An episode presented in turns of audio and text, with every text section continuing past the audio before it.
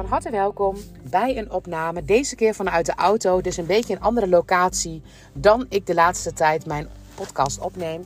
Maar ik dacht, ik ga tijdens de dansles van Rosanne even een podcast opnemen, omdat ik echt heel graag iets wil delen over jouw goud en systemisch opstellen van afgelopen vrijdag. Nou is het tussendoor op 4 november 2023 um, nog wel iets bijzonders gebeurd in mijn ogen. Ofwel, mijn boekenzet heb ik gelanceerd en ik heb een boekenborrel gegeven waarbij heel veel lieve mensen aanwezig waren. En vandaag was ik dus met name de boeken die besteld zijn aan het inpakken, aan het um, ja, mooi verpakken om uiteindelijk zo vandaag op te sturen naar alle mensen die mijn boek hebben besteld. En nou ja, mocht jij een van deze mensen zijn, ik ben je zo dankbaar. Het is zo bijzonder mooi om te zien hoeveel mensen mijn boeken hebben besteld. En ik ben ook, kan ik eigenlijk niet wachten om de eerste reacties te horen. Maar voordat ik daar iets meer over ga vertellen, want ook die boeklancering had natuurlijk allemaal bijzondere thema's in zich. Maar de dag ervoor, en daar wil ik heel graag nog een podcast over opnemen, ging over adoptie. En tijdens de opstelling, jouw goud en systemisch opstellen, wat ik één keer per maand doe op de vrijdag, had ik een heel mooi groepje bij elkaar met superlieve vrouwen die allemaal in mijn opleiding zitten. En er was één hulpvrager. En deze hulpvrager, zij is uh, geadopteerd, geadopteerd vlak na de geboorte. En ja, haar adoptie um,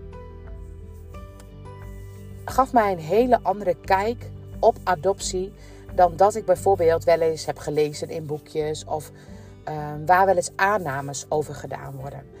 Want als ik bijvoorbeeld een babytje aangemeld zou krijgen en het zou een geadopteerd babytje zijn, of misschien als ik een kindje zou uh, zien die bijvoorbeeld, um, nou ik zeg maar wat, acht jaar is, en dit kindje zou geadopteerd zijn, dan zou ik daar direct een bepaald beeld bij hebben. Een bepaald, ja, ik durf het bijna wel te zeggen, een bepaald oordeel. Moeite met hechten wellicht. Ik heb allemaal beelden klaar um, wat dat kindje zou kunnen hebben. En ik heb afgelopen vrijdag gezien dat we al die nonsens, al die invullingen echt aan de kant moeten leggen. Afgelopen vrijdag zag ik een mooie vrouw en deze vrouw is geadopteerd tien dagen na haar geboorte.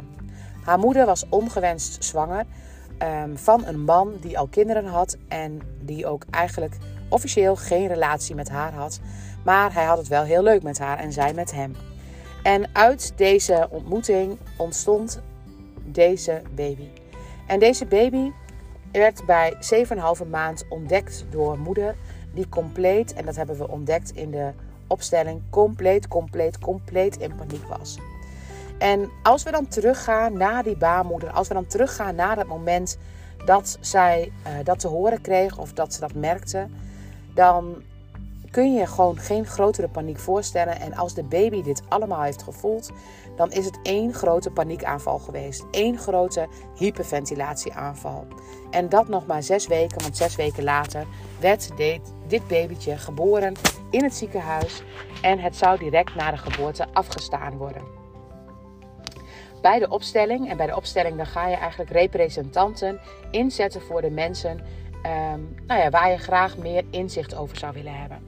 En bij deze opstelling kwamen wij in de baarmoeder terecht, of kwam mijn representant in de baarmoeder terecht. En daar was een grootse, een hele grootse paniek. En uiteindelijk, tijdens de opstelling, gingen we naar de geboorte. We lieten haar geboren worden en na de geboorte kwam zij niet op de borst bij moeder, maar kwam zij op de borst bij een zuster. Een zuster waar ze ook naar vernoemd is. En in de opstelling was ik zelf als begeleider van de opstelling ook de zuster. En wat er gebeurde was echt heel bijzonder. Want ik voelde als zuster zo'n ongelofelijke verbinding met dit kindje. Maar ik voelde ook dat het niet het enige kindje was die ik ooit in mijn hart had gesloten. Het voelde alsof er wel duizend kinderen in mijn hart gesloten konden worden. En ja, ontdekken dat een kindje in de buik paniek heeft gehad. Complete paniek is daar geweest. En vervolgens word je geboren en dan kom je op de borst bij deze lieve vrouw waar je uiteindelijk naar vernoemd bent. Dan is dat een hele grote discrepantie. En dat op de borst liggen, ja, hoe meer iets akelig is, hoe fijner het is. Ik bedoel, als jij door de kou loopt en je komt thuis en je krijgt dan extra veel warmte, dan is die warmte zo ongelooflijk lekker. En dat was er precies wat er gebeurde. Dit babytje vulde zich en vulde zich en vulde zich en vulde zich met de ongelofelijke hoeveelheid liefde van de zuster waar zij bij op de borst kwam te liggen. Of waar ze in elk geval bij mocht komen liggen. En waarom ik dit vertel? Als je kijkt naar adoptie, dan gaan we heel vaak op zoek naar allemaal dingen die er niet goed gegaan zijn. Nou, hier zijn ook dingen zeker niet goed gegaan. Dit kindje is niet gewenst. Dit kindje is afgestaan. Heeft in principe niet bij moeder gelegen na de zwangerschap. Is na tien dagen geadopteerd door adoptieouders. En toch, dat hart, het zou logische bewijs niet gevuld moeten zijn. Het zou eigenlijk een soort van blokkade moeten hebben. Maar dit hart van deze moeder is ongelooflijk gevuld. Ongelooflijk gevuld met liefde van deze zuster. En die tien dagen dat deze zuster over haar ontfermd heeft, dat zijn ongelooflijke waardevolle dagen geweest. Want zij kan haar kinderen heel veel liefde geven. En waar we dus aanvankelijk invullen dat er wellicht hechtingsproblematiek kan zijn bij een adoptiekind, is het zo verschrikkelijk essentieel om het verhaal te weten. Te weten hoe het gegaan is en te weten ja, wie daar bij de adoptie aanwezig was. En wie heeft zich over dit kindje ontfermd. En uiteindelijk de um, adoptieouders hebben natuurlijk liefde gegeven. Maar ook daar kwam zij in een bepaald systeem terecht. Een systeem wat ook door een adoptiekind wordt overgenomen. Een systeem bij deze moeder van regels en wetten van zo hoort het. En van een moeder die eigenlijk het vooral vanuit haar tenen verschrikkelijk goed doet, maar daarmee de moederenergie minder goed kan laten stromen. En keken we naar deze zuster, naar deze superlieve zuster, dan stond hij vol met moederenergie.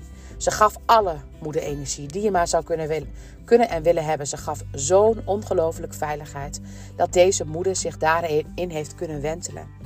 En wat ik hiermee wil vertellen, het moment dat wij denken dat adoptie, dat je dan heel veel gemist hebt. Zeker heb je dingen gemist. Maar er zijn kinderen die niet eens moederenergie kennen. En deze vrouw kent een hele grote hoeveelheid moederenergie. En het is dus niet afhankelijk van wat er precies is gebeurd, maar hoe het is gebeurd. En het verhaal, dat zorgt voor het juiste verhaal.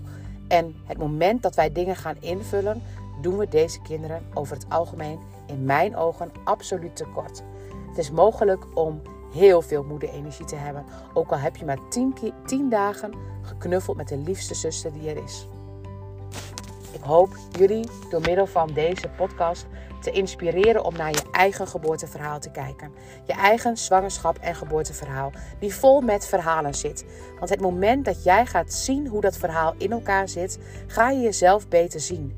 Deze moeder, die weet dat zij moederenergie heeft. Terwijl ze wellicht ook ooit wel eens heeft gedacht: zal ik ook een blokkade hebben door het feit dat ik geadopteerd ben?